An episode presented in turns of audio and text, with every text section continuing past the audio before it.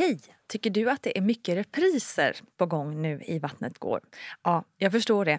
Det beror helt enkelt på att jag, Nina Campioni, just nu har en pop-up second hand i Modgallerian i Stockholm. Så min tid räcker helt enkelt inte tid att göra så många avsnitt som jag hade önskat. Men tills jag är tillbaka på full tid, kom gärna och hälsa på mig i Modgallerian. Vi ses! Hej, hej och varmt välkommen kära lyssnare till ett rykande färskt avsnitt av Gravidpodden Vattnet går med mig, Nina Campioni. Som vid denna inspelning befann mig i Monterosso al Mare i vackra Italien. Inte dumt alls och inte dumt alls att det finns så bra teknik som gör att jag ändå kunde prata med avsnittets gäst som om vi satt bredvid varandra. Himla fiffigt det där. Så, Emma Knyckare är komiker, programledare och festivalarrangör med den splitter nya festivalen Statement Festival.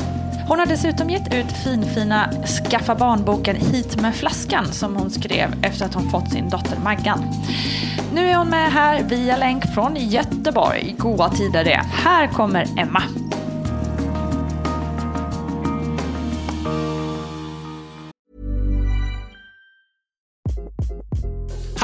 This is Craig Robinson from Ways to Win, and support for this podcast comes from Invesco QQQ, the official ETF of the NCAA. Invesco QQQ is proud to sponsor this episode and even prouder to provide access to innovation for the last 25 years. Basketball has had innovations over the years too. We're seeing the game played in new ways every day. Learn more at Invesco.com slash QQQ. Let's rethink possibility. Invesco Distributors, Inc.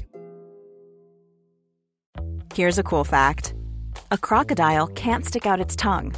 Another cool fact you can get short term health insurance for a month or just under a year in some states. United Healthcare short term insurance plans are designed for people who are between jobs, coming off their parents' plan, or turning a side hustle into a full time gig. Underwritten by Golden Rule Insurance Company, they offer flexible, budget friendly coverage with access to a nationwide network of doctors and hospitals. Get more cool facts about United Healthcare short term plans at uh1.com. Life is full of awesome what ifs, and some not so much, like unexpected medical costs. That's why United Healthcare provides Health Protector Guard fixed indemnity insurance plans to supplement your primary plan and help manage out of pocket costs. Learn more at uh1.com. Ryan Reynolds here from Mint Mobile. With the price of just about everything going up during inflation, we thought we'd bring our prices down. So to help us, we brought in a reverse auctioneer, which is apparently a thing. Mint Mobile unlimited premium wireless. Ready to get 30, 30, bit to get 30, bit to get 20, 20, 20, bit to get 20, 20, bit to get 15, 15, 15, 15 just 15 bucks a month. So, Give it a try at mintmobile.com slash switch. $45 upfront for three months plus taxes and fees. Promo rate for new customers for limited time. Unlimited more than 40 gigabytes per month. Slows. Full terms at mintmobile.com. Har du börjat snusa igen, Emma? Jajamän. Ja. Om jag har. Har jag någonsin slutat? Ja, det gjorde du det eller? Ja, jag, slu- jag snusade ju inte när jag var gravid. Nej. Eller jo, jag firade min graviditet med snus. När jag fick veta det. Och då tog jag en snus. Sen så inget mer. Sen så när jag kom hem liksom från BB, då hade min kompis Moa skickat en stock med snus på posten. Så då började jag liksom, det här ska man inte berätta egentligen, men då började jag snusa så sent på kvällen när Maggan typ hade lagt sig. Hon, Alltså inga spädbarn sover ju speciellt länge. Nej. Men, bara, ja, men då kanske det hinner gå ut lite innan jag ska amma här nästa gång. Och sen så gick det rätt så jävla fort tills jag var liksom fullblods snusare igen. Men jag såg nog inte det som att jag skulle sluta snusa, jag såg nog bara de där uh, tio månaderna som en paus. Mm. Ja. Men hur var det? Var det svårt att sluta då? Nej, nu skulle jag tycka det om någon sa så här, du ska sluta snusa i nio månader. Då hade jag ju sagt, lägg av, vad håller du på med? Men eh, då, när jag var gravid så var det inte svårt. Då var det så självklart på Ja. något sätt. Det är som Alltså en bra motivation. det, man får ju liksom heller inte dricka ju. så då är det lättare att inte snusa. Helt omöjligt att dricka öl och inte snusa. Ah, okej. Men man som ändå inte får det. Mm. Nej, just du, hur välplanerad var Maggan då? Eh, Superovälplanerad. Men välkommen ändå. Ja. Ja, men nej, hon var inte planerad. Vi hade bara varit ihop ett år tror jag, när jag blev gravid. Jag och Petter, som min man heter. Eh, och sen så vart jag gravid för att jag fick en P-dator av han i födelsedagspresent. En vad? En P-dator, alltså det är typ det som Natural Cycle ser nu. Aha, Du vet den okej. här appen, liksom, så här Ja, hormon... ja, ja. Eh, För att jag var så jävla så feministiskt sur över att jag har tagit p-piller Ja. så himla länge, liksom Ja. i hela mitt eh, vuxna liv och tonår och sådär. Mm. Eh, och, p-stav. och då hade jag precis opererat ut en p-stav, som, eh, för de får ju bara sitta inne några år. Och då var jag så, nej nu ska jag fan skita i det här med hormonerna. Liksom. Och då fick jag den här p-datorn av Petter. Och. Som en present, det var ju ändå som, gulligt. som en present. Det är en kass födelsedagspresent, det är det. Alltså du fick den på födelsedagspresent? Jag fick det i födelsedagspresent. Alltså, det är så Jag sjukt. trodde det mer var liksom en lite så här vardagsgullig present. Nej, tyvärr. Det slår mig nu. Ja, han fyller år nästa vecka. Han fyller 41 nästa vecka. Då ska jag ge han kondomer i Ja, födelsedagspresent. exakt. Vad är det för jävla skitpresent? Ja, nej, nu blir jag sur igen. Ja, det får du faktiskt, det får du faktiskt Det vara. faktiskt vara. Det hade du rätt att vara. Han gav mig också en dammsugare en gång. Inte det Nej, men, alltså skärpning på Petter. Du vet som de här klyschorna i så här skämt typ. Män är så Ja. dåliga, de ger en ett stryk i följd. Jag fick riktigt en. Som han också hade tagit på sitt jobb. Det var inte som att han hade Nej, köpt en så här av. jättefin. Okej, ta- jag får ta ett separat snack med den här Petter tror jag. Ja, det får du verkligen göra. Han har också gett mig, en gång gav han mig en jättegullig bok som han hade liksom skrivit ner våra första sms-konversationer. Du vet i början när man är sådär nyförälskad. Och Ja, sådär. det var ju fint. Sen, man kan säga att det har planat ut med åren, Ja. kvaliteten på presenterna. ja. ja, men då fick jag den i alla fall. Och då blev jag ju gravid direkt, Okej, eh, typ. så den funkade inte så bra? Den funkade inte så bra, nej. Nej. Så det var väl inte sådär att vi... Alltså inte ens på nivån att vi sa så här, händer det så händer det. Eller du vet. Utan det var mer så här, detta ska vara vårt preventivmedel nu. Ja. Men ändå liksom glad. Han, han älskar ju bebisar också. Det är det bästa han vet. Ja. Han har ju två barn sedan innan. Och, Ja, eh, så han, liksom, han blev glad. Mm. Och du Så tog en snus och firade? Ja, jag var också på sjuk, sjukhuset då. Eh, för jag visste inte att jag var gravid, utan jag fick eh, sån här njurbäckeninfektion. Okej. Som man får eh, om man har gått med liksom, en urinvägsinfektion rålänge. Ja. Så går det upp i njurarna och liksom kastar till hela systemet. Så jag eh, vaknade en morgon och bara hade så jävla ont. Och eh, bara här, kräktes eh, ryggskott. Jag trodde jag hade fått alla sjukdomar som finns i hela världen på, på samma gång. Shit, Liksom släpade mig iväg till vårdcentralen, satt där hela dagen, de stängde. Släpade mig iväg till akuten, satt där hela natten. Eh, och då visade det sig då att jag hade njurbäckeninfektion. Och då så sa sjuksköterskan också, hon bara, och sen så är det ju det här med att du är gravid också. Man bara, va? Vänta, vad sa du för någonting? Att jag var för någonting? Sa du, sa du att jag var, sa du? Gud, då som i film ju. Ja, och hon bara oj, nej, oj, du visste inte det. Oj, det, så här ska man inte berätta det. Förlåt. Jag har jobbat på ungdomsmottagningen hela mitt liv, men jag har liksom aldrig varit med om att någon har varit gravid förut. Och det tyckte jag var det sjukaste av allting. Om man har jobbat på Ja, ungdomsmottagning. Att man liksom inte har träffat en enda tonårsgravid person. Typ. Det låter rätt orimligt. Helt orimligt. Och då kunde jag liksom heller inte ringa till Petter, för jag hade ju gått hemifrån utan så här, mobilladdare eller någonting. Ja. Eh, Det enda jag hade var lite snus. Så att, eh, Det så- viktigaste den här. Och så var det också så sjuk stämning då, för då fick man liksom inte, jag blev inlagd på infektionsavdelningen med så här dropp och hela kittet. Eh, och då fick jag inte heller låna telefon, utan jag fick, till slut fick jag så låna eh, någon läkarstudents telefon, du vet privata mobiltelefon. Eh, och så fick jag ringa till Petter och berätta, dels att jag låg på sjukhus då, men också att vi skulle ha barn. Så så säker var jag ändå, det var inte som att jag sa så här, ja men här är jag är gravid och hur ska vi göra med det? Utan, utan jag kommer ändå ihåg att jag sa så, du och jag ska ha barn. Det är rätt så stor skillnad på hur man säger Ja. det. Ja. Och då blev Vad sa han, då? Nej, men han, blev jätte, han blev glad. Ja. Han var liksom så, nämen! Da, da, da, da, da. Eh, och då tog jag en snus för att fira. Men det var så konstig tid, liksom, för att jag bodde i Malmö hela min graviditet egentligen. Jag flyttade hem till Petter eh, precis innan Maggan föddes. Så att jag var liksom själv i Malmö och han hade sina barn eh, varannan vecka då. Så att han var liksom hemma med kidsen och kunde inte komma ner till Malmö och hälsa på. Okej. Så att jag var liksom själv där och ja, allting var väldigt snurrigt. Hur var det då? Alltså, du har förvisso inget att jämföra med graviditetsmässigt, men hur var det ändå att liksom gå igenom graviditeten på, på ensamhet, så att säga? Ja, på hälften ensamt i alla fall. Han var ju liksom nere hos mig varannan vecka. Men, ja, men lite sorgligt faktiskt, tyckte jag i efterhand. Då hade jag ju ingenting att jämföra med, som du säger. Men liksom nu, jag är ju 30 också, så att mina väninnor börjar liksom få barn nu och sådär. Och då kan jag i efterhand vara sådär, ja men vad fan, vad tråkigt att inte få dela det där med någon liksom, på heltid.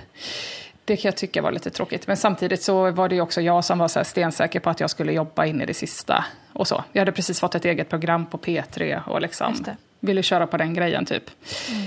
Men det var, det var ju lite speciellt. Liksom. Och sen också, men det, jag vet inte, det var ju lite ensamt, men det var också lite ensamt tycker jag att eh, få barn med en som har barn sen innan. För då var det ändå som att man inte delade den här första gången upplevelsen. Så för din man, ni har era barn gemensamt, eller hur? Ja, precis. Mm. Jo, då är man ju väldigt mycket båda nyfikna och nya och liksom tillsammans. Liksom. Så. Ja, men precis. Och, och för honom var det mer bara, nu hände detta, da, da, da, och då har han liksom gjort hela den grejen. Ja. Två gånger innan. Ja, men Så. precis. Så han behöver inte det- sitta och liksom råläsa apparna och se hur stort eh, barnet är just nu och sådär. Nej. Nej, så det kändes lite som att jag gjorde den där prylen själv. Liksom. Hur mådde du då annars, rent fysiskt? I mitten ganska bra. Var det svindåligt i början. Då låg jag ju först på sjukhus i och för sig, som sagt. Hur länge gjorde du det då? Jag låg inne en vecka. Okej. Nästan en vecka. Eh, och då kom också min bästa kompis Josefin Johansson, som också är komiker, och hälsade på mig på sjukhuset. Eh, och Hej, Jossan. Hej Jossan. Och då hade vi liksom gjort en pakt några veckor innan bara om att vi aldrig ska ha barn. så att vi, så att vi så kan fortsätta leva våra liv ganska flyktigt och åka så till Monte Rosso där du sitter nu när vi poddar. Och liksom ha det härligt. Eh, så att jag vet också att jag kände att jag svek henne så jävla Vad sa hon när du berättade? Nej, jag, berätt, jag berättade faktiskt inte då, utan jag berättade, jag berättade för henne senare. Ja, och då, så då var jag så här, men sen, jag mådde väldigt illa, gjorde jag. Spydde jättemycket. Mamma och pappa kom och hämtade mig på sjukhuset. Det var ju också helt sjukt att vara så här 12 år igen typ. Fick bo hemma hos dem några dagar efter. Och då kom Petter också till Varberg där de bor och hälsade på. Liksom. Och de berättade vi faktiskt för ganska tidigt. Jag var i vecka nio tror jag när jag fick reda på att jag var gravid. Så då berättade vi för. Och det vet jag också var lite så konstigt för att jag har varit tonårsgravid när jag var liten. Och att det var så lite samma känsla att berätta. Alltså att det var lite så här, ska jag skämmas nu? Fast nej, det ska jag, jag Ja, är det. vuxen nu. Som om man gjort något fel typ, eller vadå? Ja, precis. Ah. Och att reaktionen från ens mamma är liksom helt omvänd, typ. Att hon blir jätte, jätteglad. Ja. Ja. Nej, men så det var ganska Men fint. shit, vill du berätta om eh, tonårsgraviditeten? Ja, vi har skrivit lite om det i min bok ju. Mm. Men, och det var så många grejer som var parallella. Att pappa kommer och hämtade sin röda Saab, typ. För det var, han körde mig också till sjukhuset då. Men eh, eh, det som var med den graviditeten, jag har gjort två aborter, jag gjorde en när jag var 20 också. Det var, och jag tyck, den som jag gjorde när jag var 20 tyckte jag inte alls var så jobbig, för då fick jag bestämma själv. Eller det var sådär, det här är mitt beslut och jag är vuxen, så att, eh, det här känns ändå som att jag har valt det. Men då när jag var liksom 15, då var det jobbigare för att eh, det inte fanns något alternativ, eller vad man skulle säga. Plus att man är så sinnessjukt dramatisk i den åldern. det är så här, man har bara sig själv att tänka på, typ. Så, så det var väl lite tufft, och det var tufft i skolan och runt omkring. Och, och framförallt att bära på en sån stor mörk hemlighet. Typ. Var det bara några få som visste om det eller hur? Ja, jag berättade nog inte för någon, tror jag. Nej. Förutom mamma och pappa, som jag så var så tvungen att berätta för. Då, av, av anledningar, som att man behöver skjuts och så. men ehm, ja, men det, var, det var ganska tufft ju. Det är lite tråkigt. Det är så här, jag har ju två bonusbarn nu som är 15 och 13. Och att man så här, verkligen inte vill att det är något sånt ska hända dem. Eller, ja. Och att det är en, 15-åringen är kille och 13-åringen är tjej. Och att man till 15-åringen måste vara så här... men till tjejen så säger man så här, ta hand om dig själv, eh, kör, bara kör, typ se till att du har det gött. Medan med honom måste man vara så här, tänk på att ta hand om den du är med. Du, du, du, du, du. Det är lite skillnad. ju. Väldigt annorlunda. Ja, men så det. Men sen, eh, så mådde jag väl bra i mitten och så. Vi åkte också till Turkiet på familjesemester direkt efter sjukhuset där. Med liksom Petters syster och hela deras familj. Eh, och då var jag tvungen att berätta för dem att jag var gravid eftersom att jag inte drack, vilket de tyckte liksom var skitkonstigt. Och att du inte Eh, snusade tror jag de reagerar kanske Ja. Först på också. antagligen. ja, ja. Och då kommer jag ihåg att jag bara så här, spydde hela tiden och låg och käkade fy. morötter i sängen så här, för att kunna gå upp på morgonen. Ungarna undrade varför vi hade åtta kilo morötter med oss. Och så. Ja, men sen så tyckte jag att jag mådde bra. Sen så blev jag så här, eh, mot slutet av graviditeten blev jag liksom så här väldigt stor och tung och vatten, vattenfylld. Jag såg ut som en manet typ. Eh, och, fick, och fick ha Petters shorts på mig. Det var det enda plagget. Och foppatofflor Ah. i så fyra storlekar större. Näsan, när man ser foto, alltså hela mitt, jag har ju redan stor näsa. Näsan var liksom halva ansiktet typ. Så så jävla sjuk ut. då, och, och började så här, då, då fick jag karpaltunnelsyndrom. Det är ju det som är kul med att vara fick det. gravid också, att man får veta att det finns massa åkommor som man inte Ja. hade någon jävla aning om att de fanns. Exakt. Hur yttrade sig det då hos dig? Att, att jag inte kunde använda armarna. Oj, hela med- armarna? Då jag hade liksom, jag somnade på kvällarna. Men Så jag bara är helt avdomnad. Fy vad obehagligt. Jag är så, så himla konstig grej. Så vi har ett foto från när jag är i åttonde månaden eller någonting och står i vardagsrummet. Och då har jag stödskenor på armarna, foppatofflor, Petters shorts. Eh, och, en, och en hjälm på huvudet. för, då, för då har jag precis varit ute på parkeringen. När skelettet höll på du vet, bli så här mjukt. Så jag hade stått, varit ute på parkeringen och bara trillat så här.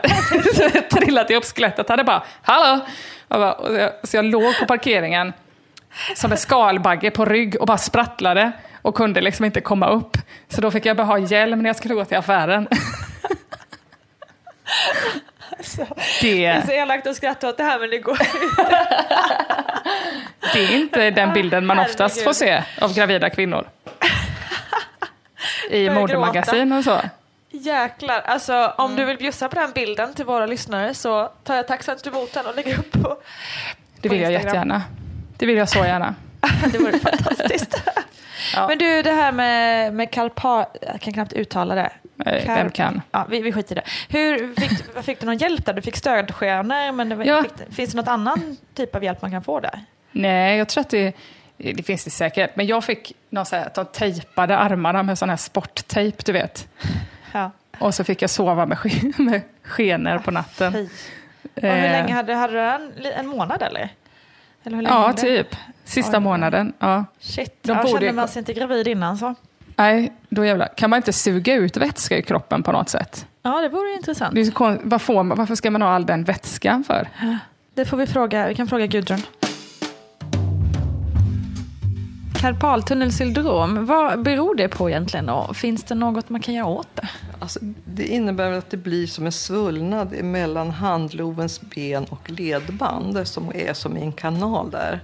Och det kan ibland bli en svullnad där. Och det här är ju inte bara när man väntar barn som man blir det utan det kan man få av överansträngning av, av eh, underarmen och så vidare, att man gör vissa rörelser. Men man ser ändå att det blir är vanligt, inte så ovanligt hos gravida kvinnor också, för att man vet att man får en ökad svullnad i hela kroppen. Och den här svullnaden kan sätta sig just där så att det blir den här förträngningen och så kommer nerverna i kläm. Och eh, där finns det ju då hur man då ska ta hand om det här så är det alltifrån att se till att handen att man böjer upp handen liksom, så att man kan ha en boll i handen så att, så att vad ska jag säga, själva handen inte faller ner mot, mot insidan av underarmen för då, då kommer det här i kläm. En del kvinnor behöver till och med en skena som håller det här liksom i läge. Och ibland så man, om det är väldigt allvarligt så kan man också spruta kortison på det här. Och i väldigt sällsynta fall så kanske man måste göra en operation också. Men där får man ju gå vidare på läkarbesök och till sjukgymnast blir man också oftast remitterad innan man gör någonting annat som gör vissa övningar som kan få den här svullnaden att lägga sig och att nerven inte kommer i klam. För att man vet att man kan, om man inte gör någonting och de här tillklämman är väldigt svår så kan man få nervskador så småningom. Så att det är viktigt att man följer upp det där och får rätt behandling och, och så vidare. Alltså att se till att barnmorskan remitterar vidare med hjälp av doktorn till en ortoped eller till en sjukgymnast och så vidare. Men eh, vilken vecka gjorde du vändningsförsök? Eh, vecka 42. Okej. Alltså Då hade du precis. gått över tiden ganska mycket och så var hon felvänd då. Nej, men, jo, men precis. Jag, eh, eh, jag, jag, jag, jag åkte in för att bli igångsatt, så var det. Okej. För att eh, det, förr i tiden i Göteborg, då fick man ju gå över tre veckor. Men Just de det. ändrade ganska nyss till två veckor, som i resten av Sverige. Så då var jag inne och skulle bli igångsatt och då gjorde de ett eh, ultraljud för att titta bara så att det fanns tillräckligt med fostervatten kvar. Eh, och då när de gjorde ultraljudet så blir det så här helt knäpptyst i rummet. Eh, så att vi får panik typ och bara okej, nu, nu har det liksom hänt någonting, det blir inget barn här. Men då sa läkaren till slut då att hon ligger ju med röven ner. Va? Vad är det här för någonting? Hon ligger ju fel. Jaha, det blir ingen igångsättning. Nähä, det blir vändningsförsök. Jaha, känns inte det... Det Men hade de inte svårt. känt det innan? Man gör ju, de känner ju ofta på magen. Jag vet, och då hade jag ändå gått till två barnmorskor. Alltså en först i Malmö, där jag bodde under graviditeten, och sen hade jag bytt till Göteborg då. Men de hade inte känt det. Det kan man i och för sig fatta, för att det är ju råsvårt att se vad som är röv och huvud. Alltså, hur, om jag skulle lägga Maggan under ett täcke nu så skulle Ja, jag inte jo. känna det. Men de, har, de, de kan väl sina grejer. Men man det hade det. gått förbi eh, på något sätt. Barnmorskan ringde och bad om ursäkt sen. Efteråt. Det var ändå gulligt. Ja, det var fint Hon bara, jag hörde vad som hände. Ja, eh, ja precis. Och då sa de, Hur- då ja. får vi försöka vända eh, på det här. Och det fattade jag inte riktigt varför jag gick med på. För att det var ju inte så smart. Så då fick jag åka upp, dricka någon sån här vätska så att alla liksom, slemhinnor blir helt lealösa. Så man bara, typ kan inte prata. Och då ringde de in någon sån expert, vändningsexpert, någon läkartant som då försökte putta upp Maggan och knuffa runt henne som Leif GW Persson i en skokartong typ så. Mm! Svintrångt. Och då låg hon liksom helt fastkilad med benen som en groda så. Ja. Aj, aj, aj. Eh, så det gick ju inte att vända henne. Och det och gjorde ont också då, eller? Ja, för fan vad ont det gjorde. Det är därför jag, och det fattade jag, kunde jag ju räkna ut med röven att det skulle göra ont. Så det var konstigt. Det var ju så otroligt liten chans att det skulle gå också. Det var ju så här, om vi tar in den här superexperten så är det kanske 15 procents chans. Eller vet. Men jag var också så, inst, alltså jag är så operationsrädd så jag var så jävla inställd på att föda på vanligt sätt. För att jag, jag hade liksom också precis förlikat mig vid den tanken, typ. Att, jag, att, eh, att gå med på det. Och så här, läst svin mycket böcker och bara gjort upp en plan. Och så här, att kanske till och med börjat se fram emot det lite. Från att ha varit så här, totalrädd. Och då kändes det asjobbigt att behöva byta strategi helt plötsligt. Så det gick jag ändå med på det. Och då fattade jag ju också så varför jag inte hade känt några sparkar eller... Jag hade inget att referera till för jag har liksom aldrig varit så gravid innan. Men, eh, men det kändes inte, som när andra som har varit gravida berättade om hur det ska kännas, så, så kunde jag liksom inte relatera till det riktigt. Så det jag hade känt var ju så här boxar, typ. Just det. Eh, och det hade jag ju också sagt, men då hade jag också fram, eh, jag, eh, moderkakan i framkant, alltså att den låg. Ah, okej. Så Ja. då så sa de på, hos barnmorskan att det var därför som jag inte kände så mycket Ja, bebisrörelser, typ. Men Ja. det var också något som de inte såg förrän då, eller? De kunde inte se det tidigare.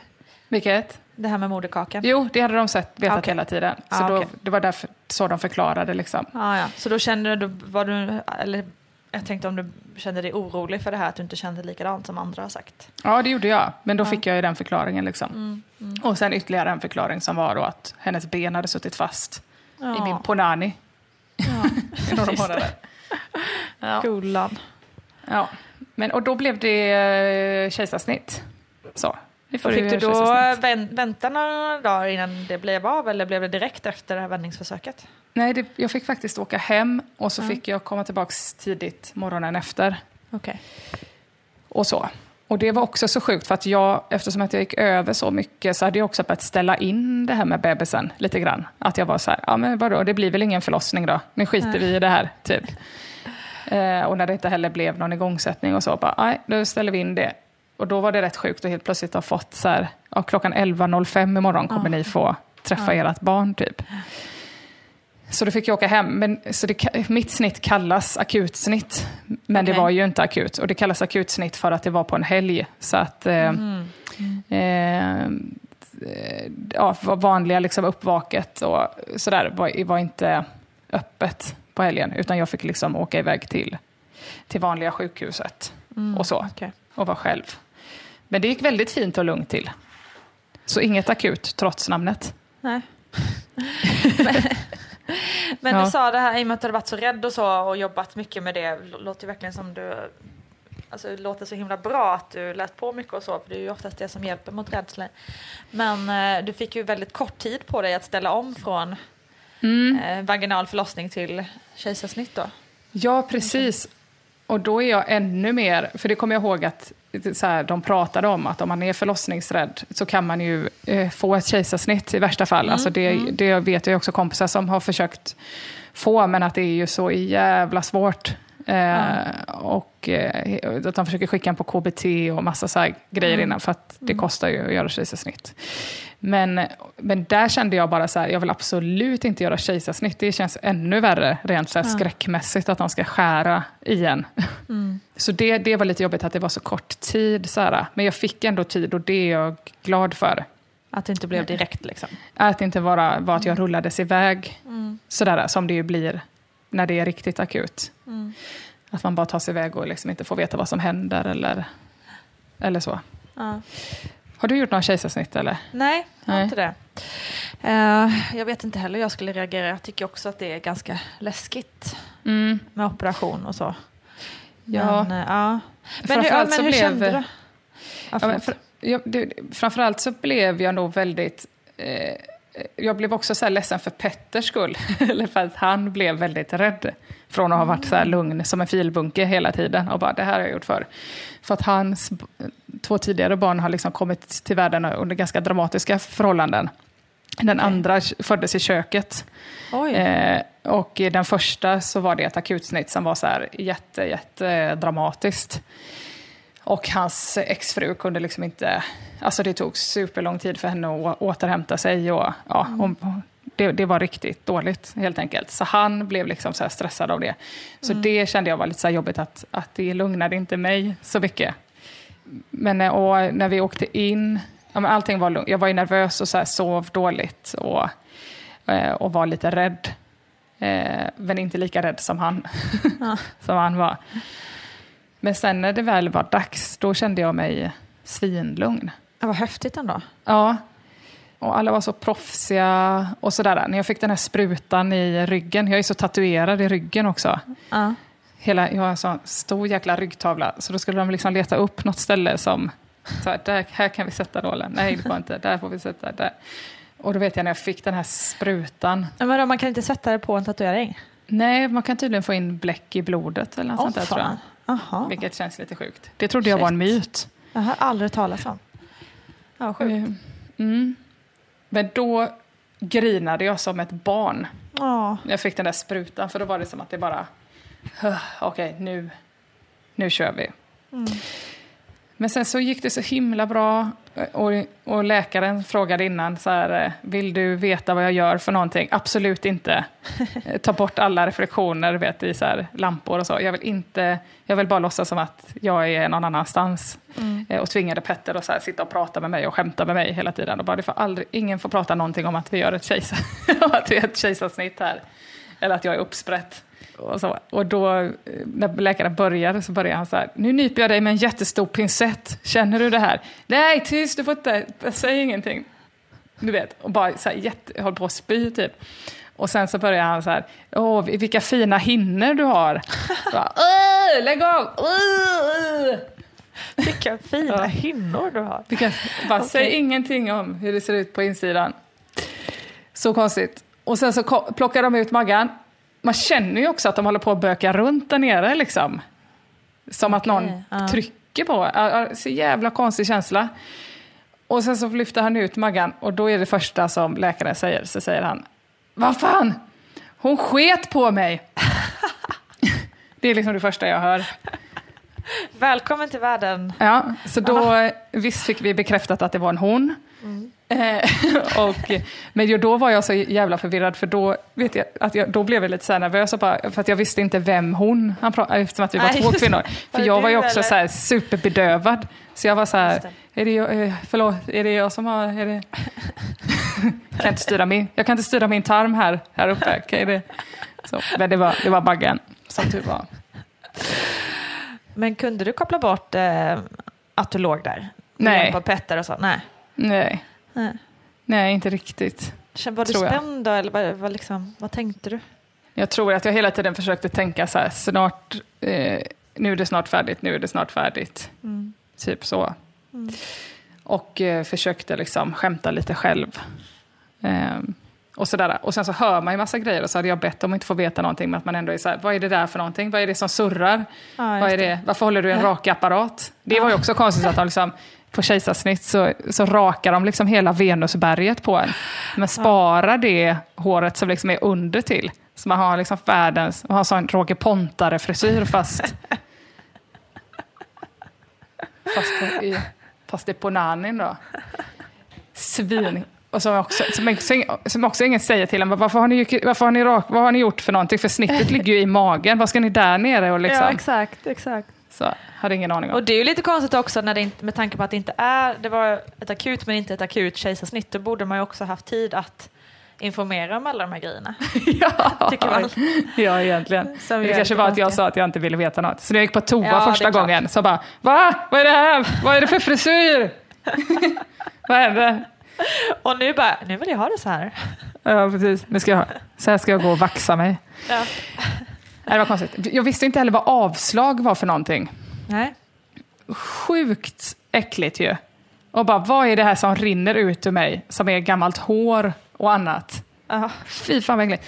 Och det, och det, för jag visst, ja, men det, det fattar jag ju att man får om man föder vaginalt, att allting Ja, ska ut på något sätt. Men jag bara förutsatte att de kanske sög upp det med någon liten kroppsdammsugare eller någonting. När de ändå var där inne och rent och böka. fint när de ändå höll på. ja, why not liksom? Men det skulle ut på naturlig väg. Ja, fy fan vad äckligt. Ja, det är lite liksom otur typ att få det där kejsarsnittet om man nu inte vill ha ett kejsarsnitt. Så att man får göra, dels göra ett kejsarsnitt och ändå vara med om de där lite jobbiga sakerna som händer efteråt. Liksom. Just det. Dubbelt Men det upp. var ju ganska mäktigt i och för sig, för det sa de ju så här att, eller det sägs ju att kejsarsnitt då får man det onda efteråt istället. Ja, Medan under en vaginal förlossning så får man det onda medan man föder. Typ. Just det. Men eh, jag var liksom ändå i ganska god form då, så att det gick så här, eh, jag återhämtade mig ändå rätt snabbt, så jag kände mig rätt kaxig när jag drog runt i, i korridoren med kateter, liksom. Eh, medan de andra som hade fött vaginalt inte kunde kissa överhuvudtaget. Så bara yeah. så, så. Kejsarsnitt.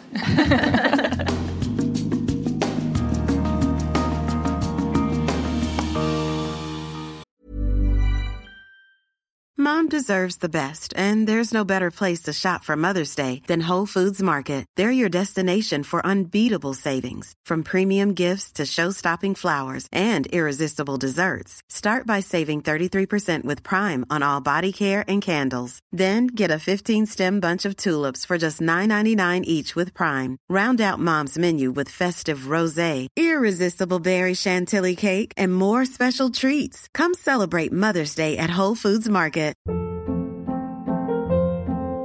Hold up. What was that? Boring. No flavor. That was as bad as those leftovers you ate all week. Kiki Palmer here, and it's time to say hello to something fresh and guilt-free. Hello Fresh. Jazz up dinner with pecan-crusted chicken or garlic butter shrimp scampi. Now that's music to my mouth. Hello Fresh. Let's get this dinner party started. Discover all the delicious possibilities at hellofresh.com.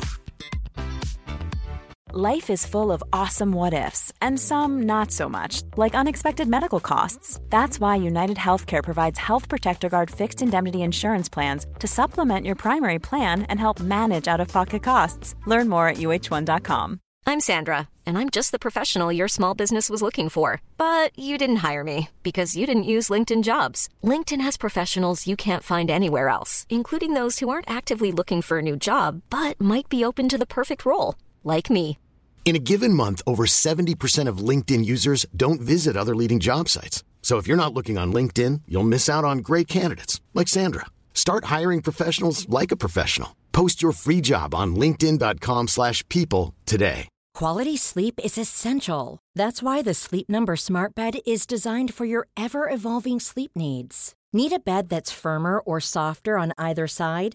Helps you sleep at a comfortable temperature? Sleep Number Smart Beds let you individualize your comfort so you sleep better together. JD Power ranks Sleep Number number 1 in customer satisfaction with mattresses purchased in-store. And now, save 50% on the Sleep Number limited edition Smart Bed for a limited time. For JD Power 2023 award information, visit jdpower.com/awards. Only at a Sleep Number store or sleepnumber.com. Men hur var det att se Maggan då för första gången? Ja, men jättekonstigt. Jag fattade nog jag hade väldigt så svårt att relatera. Jag bara, är det här mitt barn? För hon såg inte alls ut som jag hade tänkt mig. Jag hade tänkt att det skulle komma ut en liten minikopia av mig själv. Så här ganska rund och god, stor Mm. näsa. Eh, och istället så kom det på mitt bröst en liten, liten jättesmal eh, svarthårig varelse med skrumpna händer. Så jag sa, vad är, det här, vad är det här för liten... Och grodben så, hon kunde inte dra Ja. ut benen heller eftersom att han hade suttit fast. Så kom liksom en sån liten smal groda, som att hon hade legat i magen så länge. Så att Mm. eh, hon hade slutat få näring av moderkakan typ. Så hon liksom blivit ganska liten. Mm. Eller lång, men tunn sådär. Och bara, aha. Vad, Okej, vad är nu detta? Och sen jättefort så kördes jag iväg då till uppvaket som låg i en helt annan del av sjukhuset. Och då var Petter och Maggan själva de första timmarna. Så det, jag, hade, jag kommer ihåg när jag låg där på uppvaket att jag var så här, vad är det som har hänt för någonting? Har jag fått ett barn? Typ, hur ska jag göra en, hur, hur ska jag kunna deala med det här? För att jag hade fokuserat så mycket på förlossningen. Och att här, genomgå en vaginal förlossning. Så att jag, jag hade faktiskt på riktigt inte tänkt så mycket på slutresultatet. Att vi Mm. faktiskt skulle få en bebis som skulle följa med oss hem. Väldigt här. vanligt tror jag för första Tror du gångs. det? Ja, ja, det var samma för mig och jag tycker att man hör det ganska ofta från de som, ja, första gångs föderskor helt enkelt. Man är så, det är ju förlossningen som är den jättestora utmaningen, tror man. Mm, tror man ja. Mm. Eh, för att det är ju något så läskigt liksom. Eh, och så, så fattar man inte vad som har hänt sen. Nej, det var så, så sjukt. För då låg jag liksom också där helt ensam. Och då kom det sjuksköterskor ibland och så här, kan du röra på benen? För i så fall får du åka till BB. Och att jag ljög och sa, nej det kan jag inte. för att jag, jag var så enormt trött också. Vilket också var konstigt eftersom att jag inte hade jobbat någonting. Utan jag hade bara legat still och fått ett kejsarsnitt. Och bara, varför är jag så här trött? Så jag ville bara sova och inte ta itu med det som jag hade ställt till med på något sätt. Jag fattar. Men man ska Utan jag också bara tänka så här, nej jag kan gärna ligga även- kvar här. Förlåt, Ja. säg du så prata färdigt.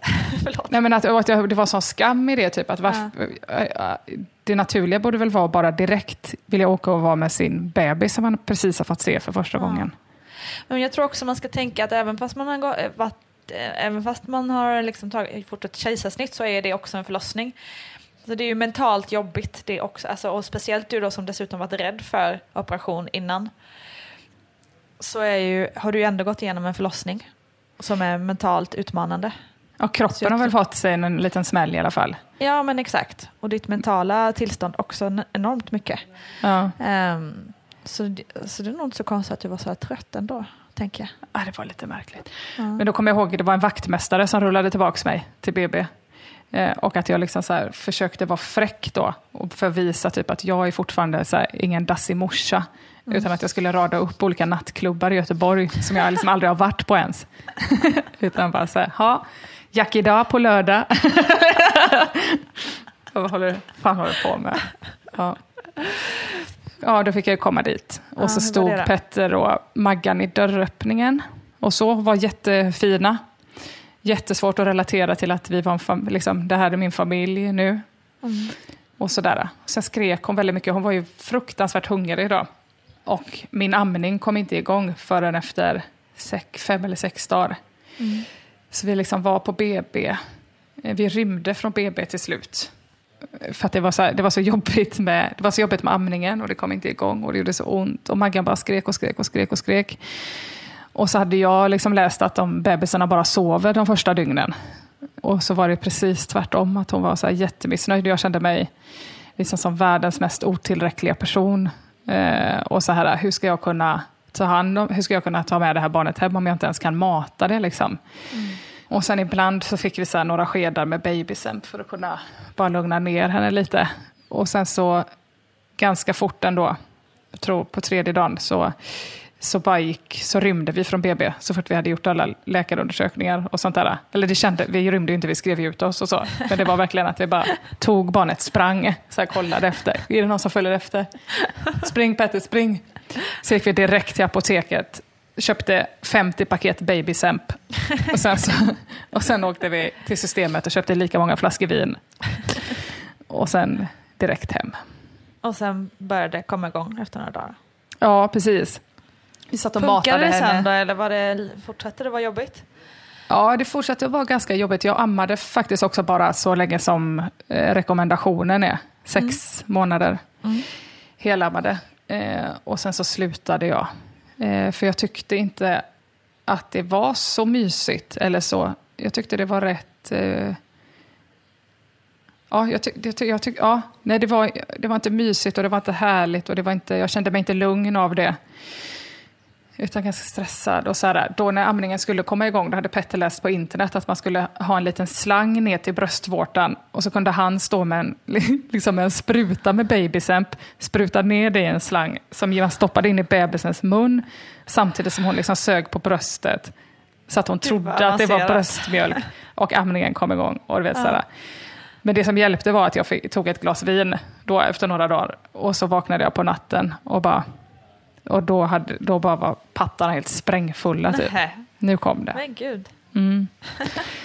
Men så i efterhand så ångrar jag lite grann att jag höll på med det där så mycket. När det, när det gick så dåligt. Har du ammat dina barn eller? Jag har ammat och det har funkat ehm, helt okej. Eh, Mm. Eller funkat jättebra, men jag tror också att med, med Essie så var det ju skitjobbigt i början. Det tog ju typ två, tre veckor innan det liksom så här... Alltså det kom, allting kom igång snabbt men det gjorde något så in helvetiskt ont. Så jag typ grät ju liksom varje gång hon skulle äta. Åh fy fan. Och det sjuka är ju att man så här, inte förrän nu fattar jag, men gud, ska- man behöva ha det så? Alltså liksom, då Ja. var det bara så här, ja det är väl så här det ska vara liksom. Och så kämpar man på, så här, klassisk kvinnogrej. Mm. Eh, Jag ska vara och en så. lyckad. Ja, precis. Ja men precis. Och nu bara, men herregud, när man liksom pratar med alla andra, så liksom hur, hur andra kan ha haft det, och man bara, men vad fan, shit, det var ju vidrigt ju. Ja. Kluvna bröstvårtor. Ja, exakt. Ja, fy liksom- fan. Ja, nej, det var ingen kul alls när man tänker tillbaka. Rocco, Mm. Rocco gick bra med min andra. Eh, då var det inga större konstigheter. Men eh, det är konstigt det där hur vi bara ska kä- kämpa på liksom. Ja, och då berättade min mamma också när jag ringde till henne och bara, nu funkar amningen? Hon bara, va? Har det inte kommit igång förrän nu? Vad har du gjort typ? Och så pratade vi ganska länge om hela min upplevelse på BB med det. Eh, och hur jobbigt det var på BB och så. Och då mamma bara, men vad fan, alla, jag har ju flaskmatat alla er tre barn. Och ni har ju inte blivit helt normala, men nästan. och jag bara, vad har du? Eller jag hade ingen aning om att man liksom inte har, det är så mycket man inte hade pratat om innan typ. Som, Ja, men sant. Kan det också ja. vara så, jag vet inte om du fick den informationen, men jag tänker eh, att en del som har eh, tagit kejsarsnitt, att det blir svårt att, att Mm. det tar längre tid med amningen då? Jo, så var det nog också. Mm. Mm. Ja, och att jag låg och sov orimligt länge efteråt. Borde kanske börjat Ja, amma direkt, det, som en duktig det. kvinna. så kan det nog. Ja, men du har ju inget val, ligger man på uppvak, vad ska man göra? Nej. Det är ju så för alla som har varit med om det. Så att du, Ja, du är en fin kvinna du. Emma. fin kvämma och öm moder. Ja, det går du, åt mig. jag måste fråga, eftersom vi eh, i den här podden har blivit ganska så Stockholmsfixerade, eftersom podden spelas in i Stockholm, så de flesta Ja. gäster blir också Stockholmsbor. Hur är det, berätta hur det är att föda barn i Göteborg. Hur, liksom, hur upplever du vården och liksom, finns det plats? Så, ja, men du vet, Eh, ja, just det. Åh, herregud. Eh, nej, men det gör det väl inte, som precis överallt annars i Sverige. Jag kommer ihåg att jag googlade att få åka till ett, ett sånt här resort, typ jättelångt upp i Norrbotten, där man Jaha. också kunde få vattenföda, som jag var mycket Jaha. intresserad av. Och varför då Lyxigt. skulle man liksom veta att, eh, ja, men vara så säker på att man skulle få plats och Ja. Sådär. Nu lägger de ju ner BB även, även norrut. Men, nej, men det är väl lite som, eh, som överallt annars. Liksom. Eh, när jag, nu kom jag ju till Göteborg precis innan förlossning. Sådär, att jag flyttade från att ha bott själv i en etta i Malmö till att helt plötsligt få en familj på fem då, inom loppet av en vecka. Så Mm. råkonstigt. Det är mäktigt. Men, mm, men då var min upplevelse ganska mycket... Jag hade gått hos en barnmorska i Göteborg lite grann innan, eh, som jag tyckte jätte, alltså, som är helt grym. Jag har fortsatt gå till henne nu efter också. Så, så är det väl med Göteborg, att alla är så jävla goa typ, fast de går på knäna och eh, inte får någon lön och så. Och så var det också, eh, antingen föder man ju på Östra sjukhuset eller i Mölndal här. Och om det inte är några komplikationer eller något sånt där, då skickas man till Mölndal. Men då är det en kvinna som också är deras amningsexpert då, som driver förlossningsavdelningen med järnhand. Och det tyckte jag kändes så tryggt på något sätt. Jag var på någon kurs där innan. Det var ju också en sorg, att gå på alla de här kurserna själv Ja, i Malmö utan Petter. Och då skulle vi äntligen gå på det här BB-besöket innan, när man liksom fick se ett förlossningsrum och sitta i en aula typ och få veta vad man ska packa i väskan och eh, vart parkeringen ligger och så. Mm. Och då höll hon, eh, den här kvinnan, den här, eh, den här informationen. Och då blev jag så trygg över att det satt typ tusen andra pers i rummet. Både trygg, men också så här, hur ska, vi ska typ föda samtidigt, hur ska vi få plats? Eller hur ska det här, så här, att det helt plötsligt blir en så här konkurrenssituation. Ja. Att man spanade in så här, hmm, Exakt. du, du, du, du. Men liksom, är så, så otroligt mycket, alltså så mycket folk som föder varje dag alltså. Helt Ja, vansinnigt. det är faktiskt helt otroligt. Men eftersom att jag gjorde kejsarsnitt så fick vi faktiskt eget rum. Mm. Och det var mitt i sommaren, sommarens varmaste dagar. Eh, och det är jag så glad för, för det fattar... Har du delat rum eller? Nej. På BB någon gång? Det fattar jag inte hur man pallar med. När, alltså, om jag bara tänker på det, när man är så skör, typ har ett helt nytt liv, eh, allting är kaos, man är jätteledsen, man är jätteglad, superförvirrad och så ska man dessutom så här, behöva ta hänsyn till en annan familj som är i exakt samma Ja. situation på något sätt. Nej, det, blir, det, är också, det är så otroligt intimt, eh, de där stunderna. Ja. Jag, jag, jag, nej, jag, skulle, usch, det låter, jag tycker det låter hemskt att behöva dela faktiskt. Jag Om man går runt naken inte- liksom. Och, Precis, och man behöver ju gå runt naken och liksom, man behöver bara så här gå omkring och bara... pattar överallt. Ja, så här, vett, man behöver massa sprida sina vätskor liksom utan att bry sig. Exakt, Eh, exakt typ så.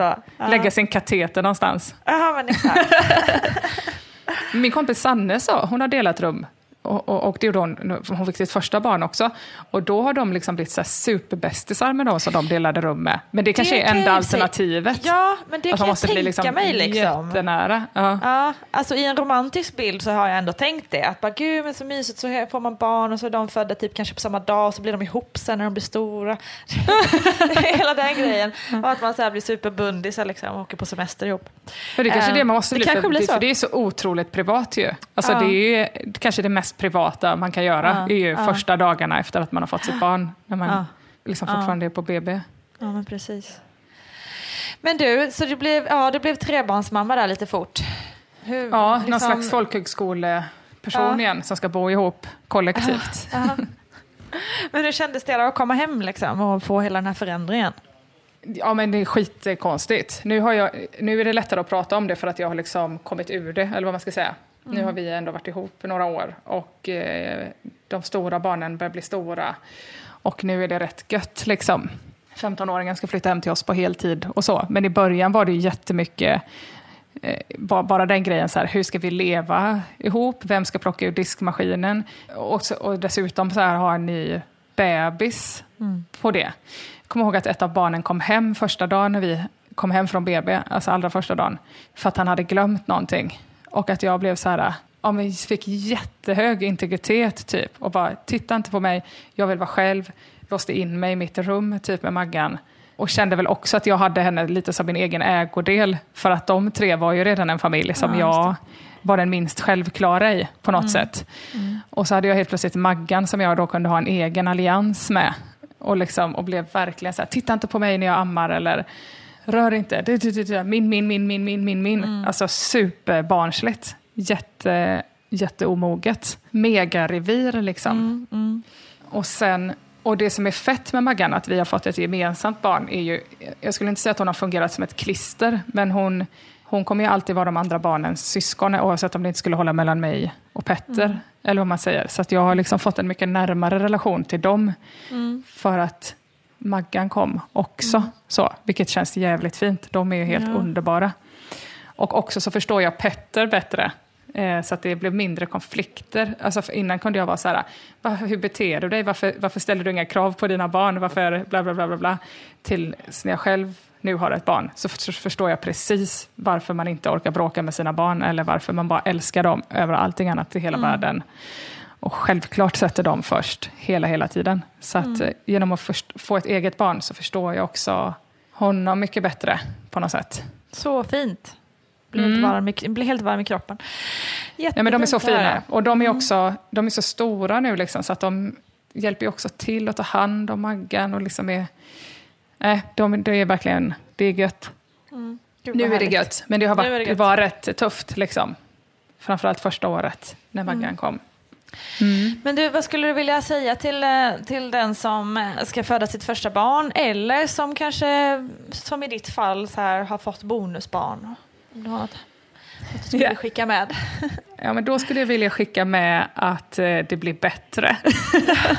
jag blev så jävla provocerad när folk sa till mig när Maggan var nyfödd, när de sa så här, dels så här, åh vilket glatt barn du har, bla bla bla, bara du vet inte. Eller när folk sa så här, ta vara på den här tiden, den kommer aldrig mer tillbaka, när man samtidigt bara känner, fan vad jag längtar tills hon blir lite större. Mm, Och inte är så ömtålig hela tiden.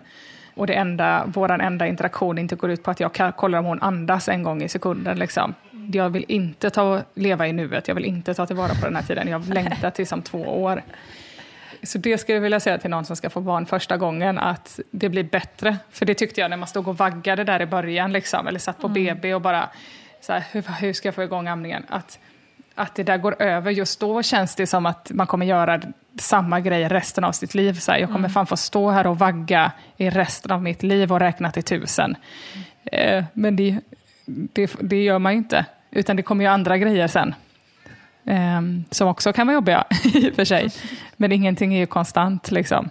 Nej, ingenting är verkligen konstant. Och det, det får, av någon anledning är det konstigt, man tror verkligen det. Man tror att varenda liten fas är, bara, okej nu ska det vara så här. Typ att, eh, ja men nu vaknar han si och så, eller nu, nu, nu sover han minsann. Nej, Just det. Mm, i natt sov han, imorgon sover han inte. Eh, och så här, liksom, det är verkligen ganska lång period, och det är ju väl fortfarande så, Etsy är ju fyra år och är inne i någon fas nu där hon är lite trotsig och sådär. Eh, då tänker man också bara, gud ska, det, ska hon vara sån här nu? Det ska vara så hon, ska hon vara så här jävla arg liksom? Nej, det ska hon ju inte, för det ändras ju om ett tag igen liksom. Ja, ja precis. Men det, man är just, det som man är just för stunden känns ju konstant. Ja. Så är det ju fortfarande, som du säger, även när de är... Maggan är ju tre nu liksom. Ja. Ja, man behöver inte njuta heller hela tiden. När alla säger så, njut nu, njut, njut, njut, Nej. njut, njut. Bra Måste poäng. man inte. Utan eh, du kan också vara lite frustrerad och så kan du njuta Mm. sen, när den fasen är över.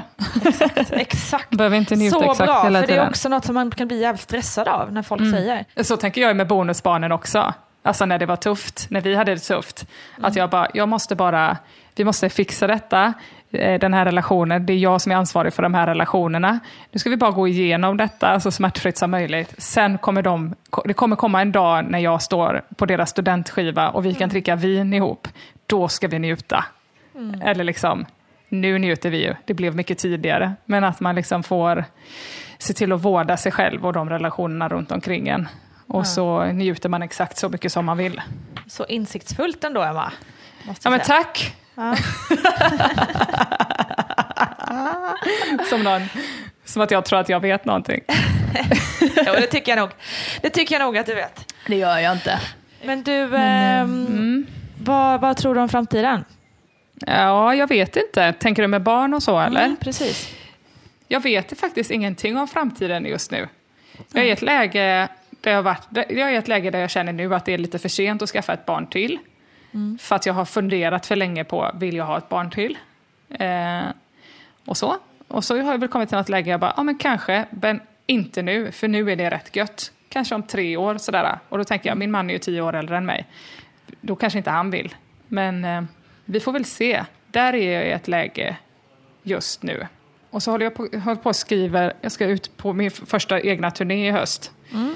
Eh, som heter Årets mamma. Och då sitter jag och Så- skriver så den showen. Sitter jag och skriver den showen nu då.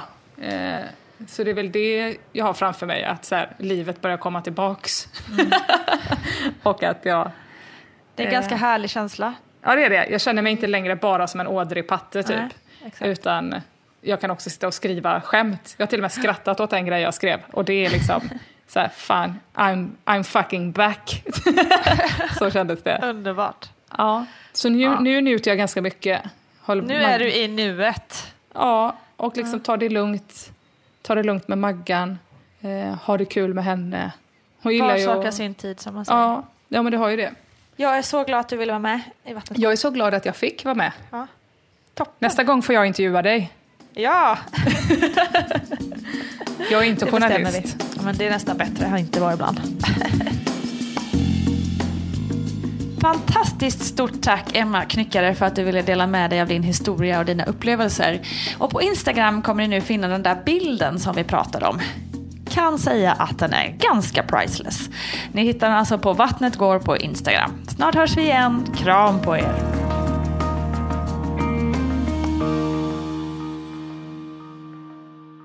Producerat av Perfect Day Media.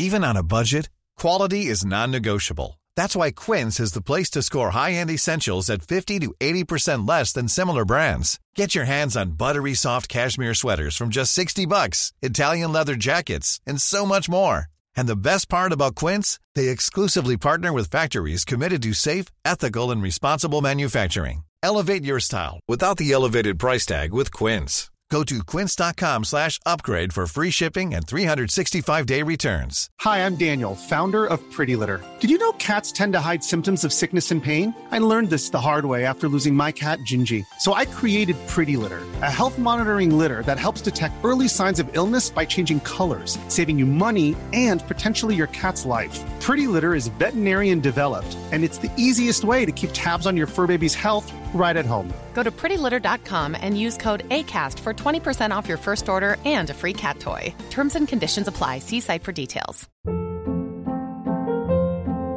Hold up. What was that? Boring. No flavor. That was as bad as those leftovers you ate all week. Kiki Palmer here, and it's time to say hello to something fresh and guilt-free. Hello Fresh. Jazz up dinner with pecan-crusted chicken or garlic butter shrimp scampi. Now that's music to my mouth. Hello Fresh. Let's get this dinner party started. Discover all the delicious possibilities at hellofresh.com. Hi, I'm Daniel, founder of Pretty Litter. Did you know cats tend to hide symptoms of sickness and pain? I learned this the hard way after losing my cat, Gingy. So I created Pretty Litter, a health monitoring litter that helps detect early signs of illness by changing colors, saving you money and potentially your cat's life. Pretty Litter is veterinarian developed, and it's the easiest way to keep tabs on your fur baby's health right at home. Go to prettylitter.com and use code ACAST for 20% off your first order and a free cat toy. Terms and conditions apply. See site for details.